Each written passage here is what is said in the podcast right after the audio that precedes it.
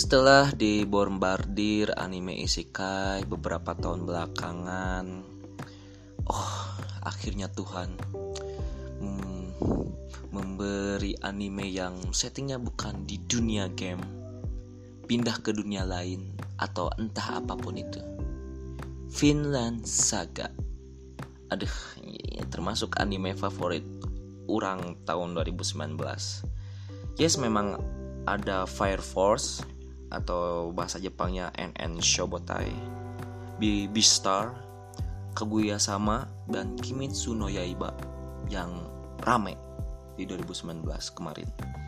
Tapi enggak, orang tetap aja suka bilang bahwa Vinland Saga adalah anime terbaik tahun 2019. Dan kali ini orang bakal ngasih tahu kenapa kamu harus nonton Vinland Saga. Oke, ini agak bakalan sedikit spoiler. Jadi ceritanya itu Vinland Saga menceritakan seseorang bernama Thorfinn. Jadi si main character atau karakter utamanya itu namanya Thorfinn. Anak dari bekas seorang prajurit elit kerajaan Denmark bernama uh, Kesatuan Denmark lah Kesatuan Prajurit di Denmark bernama kesatuannya hmm, Joms Viking jadi si ayahnya itu bernama Thors jadi dia itu bekas prajurit di uh, kesatuan elit Joms Viking. Si Thorfinn ini ingin berusaha membalas dendam kepada bajak laut yang membunuh ayahnya Asklad dan itu cuman sinopsisnya doang sih. Jadi ya oke lah cuman itu aja lah. Jadi kenapa kamu harus nonton Finland Saga jadi Vinland Saga itu ya anime yang berusaha ngasih penontonnya cerita yang besar dan lebih rumit daripada sekedar bentar oke okay. jadi lebih rumit daripada sekedar mengalahkan musuh makanya mereka ngambil waktu buat ngejalanin ceritanya tuh pelan-pelan banget agar klimaksnya nanti bakal ngasih penontonnya uh, ini tuh bukan sekedar cerita yang simple dan pendek. Cerita sebenarnya dari Finland Saga ini tuh adalah usahanya orang-orang Islandia yang berusaha mencari tanah baru, tanah subur, tanah yang jauh dari kata peperangan, diskriminasi, perbudakan dan tekanan kekacauan Eropa Utara. Yaitu sebenarnya cerita Finland yang kurang tangkap sihnya. Jadi kalau ada ya kalau tadi ada uh, Thorfinn bahas dendam itu sebenarnya cuma prolognya doang cerita sebenarnya tuh ya Thorfinn yang berusaha mencari dan membangun negara yang jauh dari kata konflik kemanusiaan di Eropa dan negara itu dikatakan berada di Finland. Anime ini tuh bukan tipe anime yang buru-buru pengen langsung ke plot utama kayak anime action kebanyakan gitu. Bahkan 6 episode awal itu cuma nyeritain backstory-nya Thorfinn. Baru setelah itu masuk ke prolog dari Finland Saga yang nyeritain Thorfinn, Asklad, Pangeran Kanute, jadi dia itu Pangeran Denmark yang fokus utamanya menentukan penguasa hmm, atau ketua lah um, atau gubernur jenderal lah hmm, kurang mah tapi dalam cerita ini sih raja jadi calon raja di tanah jajahan Denmark yang baru yaitu di Inggris. Yaitu emang Inggris ya emang Inggris bukan di Inggris. Negara Inggris yang dijajah oleh Denmark. Dan kalau ini terdengar kayak sejarah ya emang ini anime berdasarkan sejarah sih. Jadi kalau kamu nonton anime ini itu jadi tahu sedikit lah tentang sejarah peradaban bangsa Viking atau kehidupan Eropa tahun uh, abad ke-10.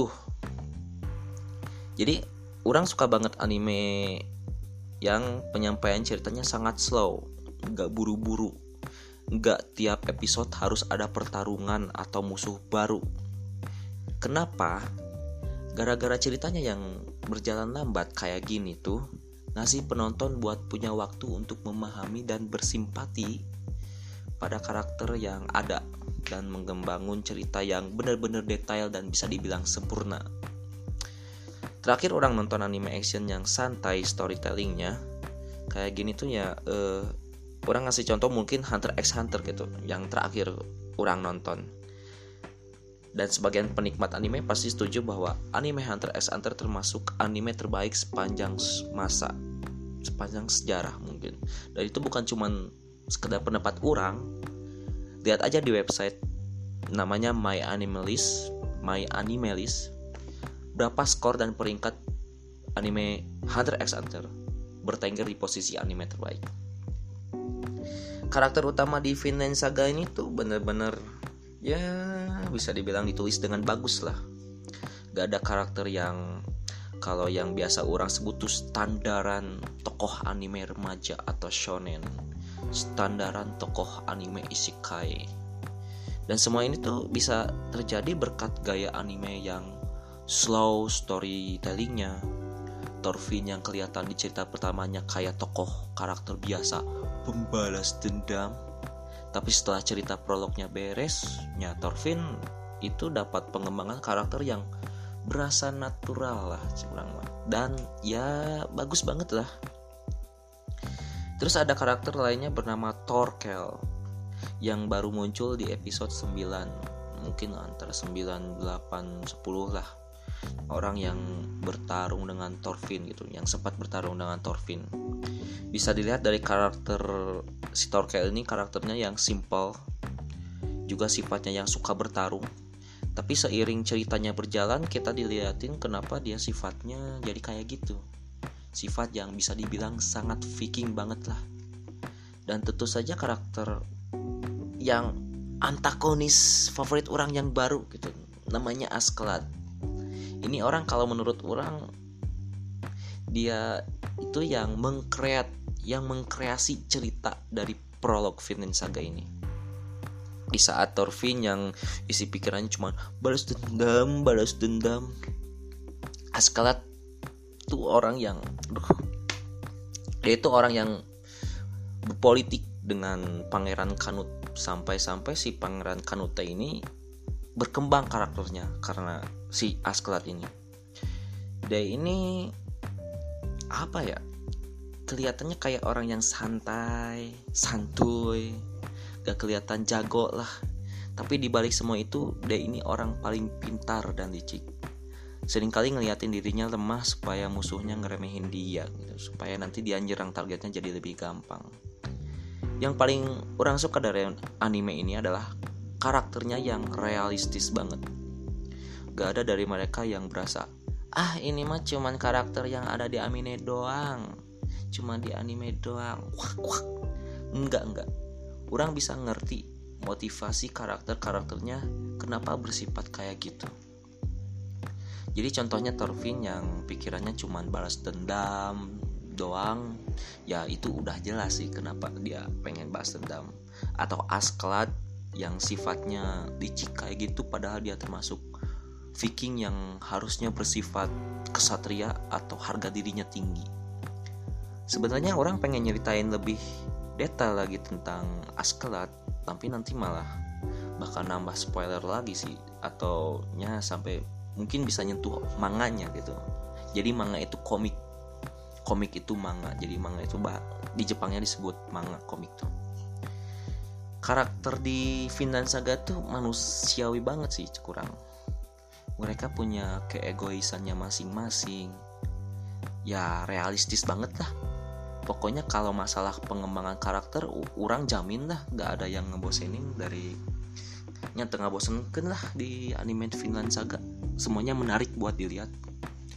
Dan tentu saja orang kudu ngomongkan actionnya digarap oleh Witch Studio rumah produksi yang membuat calon anime legend Shingeki no Kyojin atau Attack on Titan. Action skin di uh, Finansaga itunya bagus. Gaya-gaya etik attack on Titan gitu yang suka banget muter-muter angle di bagian pertarungannya. Tapi adegan non pertarungannya juga bagus sih. Detailnya dapat banget lah feelnya. Meski kadang disambut dengan adegan CGI yang uh, kurang bagus. Tapi tiap scene pentingnya digarap dengan bagus kok. Jadi masih bersyukur aja kalau ini anime dibuat oleh Witch Studio. Jadi sekali lagi action scene di sini tuh realistis banget. Jarang orang lihat mereka itu ngebacot dulu sambil bertarung kayak di tengah pertarungan ngebacot siapa yang benar siapa yang salah. Nggak bener-bener kayak perang aja gitu. Emang ini bener-bener kayak perang gitu. Ada orang yang fokusnya hilang atau meleng dikit yang nyawa langsung hilang begitu aja ya di Finland Saga gak ada kekuatan super power gitu yang kayak jurus-jurus keren yang biasanya ada di anime action ya emang dari awal target penonton buat Finland Saga itu bukan mereka yang suka lihat jurus-jurus epic ya kalau kamu mau cari anime yang kayak gitu ya nonton aja mah anime macam Naruto atau Dragon Ball Vinland Saga itu membawakan cerita yang lebih dari sekedar pertarungan hebat. Lebih dari itu. Vinland Saga itu membawa penonton menilai ini tuh realistis dan masuk akal. Sampai kebayang kalau uh, kita kalau ada di zaman itu mungkin kehidupannya kayak gitu gitu. Kelihatan banget dah sang si penulis ini suka cerita Nordik yang menceritakan kehidupan warga Eropa Eropa Utara ya khususnya pada waktu itu anime ini memang banyak nampilin adegan gore dan brutal gitu. Sangat-sangat brutal sih kurang tapi sering mengingatkan bahwa penon uh, bahwa kekerasan itu emang salah. Nggak mengganggu-ganggukan kekerasan banget lah di anime ini. Tapi nggak juga seidealis di mana maksa-maksa jangan pakai kekerasan. Jadi santai lah. Kekerasannya emang penempatannya sangat tepat lah kenapa ada adegan kekerasan di anime ini? Buat kamu yang pengen cerita yang beda anti mainstream cerita yang dibangun dengan santai jadi maksud santai itu slow gitu jadi penyampaian ceritanya agak biasa eh, tidak cepat gitulah. Terus ada nuansa historical ya tentunya ya Vinland Saga lah salah satu recommended orang oh nyanya ayah eh, original soundtracknya juga bagus. Op, opening endingnya juga bagus lah. Empat empat lagunya lumayan lah. Jadi sekian lah kerja keras orang selama tiga bulan nulis buat uh, podcast ini. Jadi sekian. Terima kasih udah dengerin. See you Space Cowboy.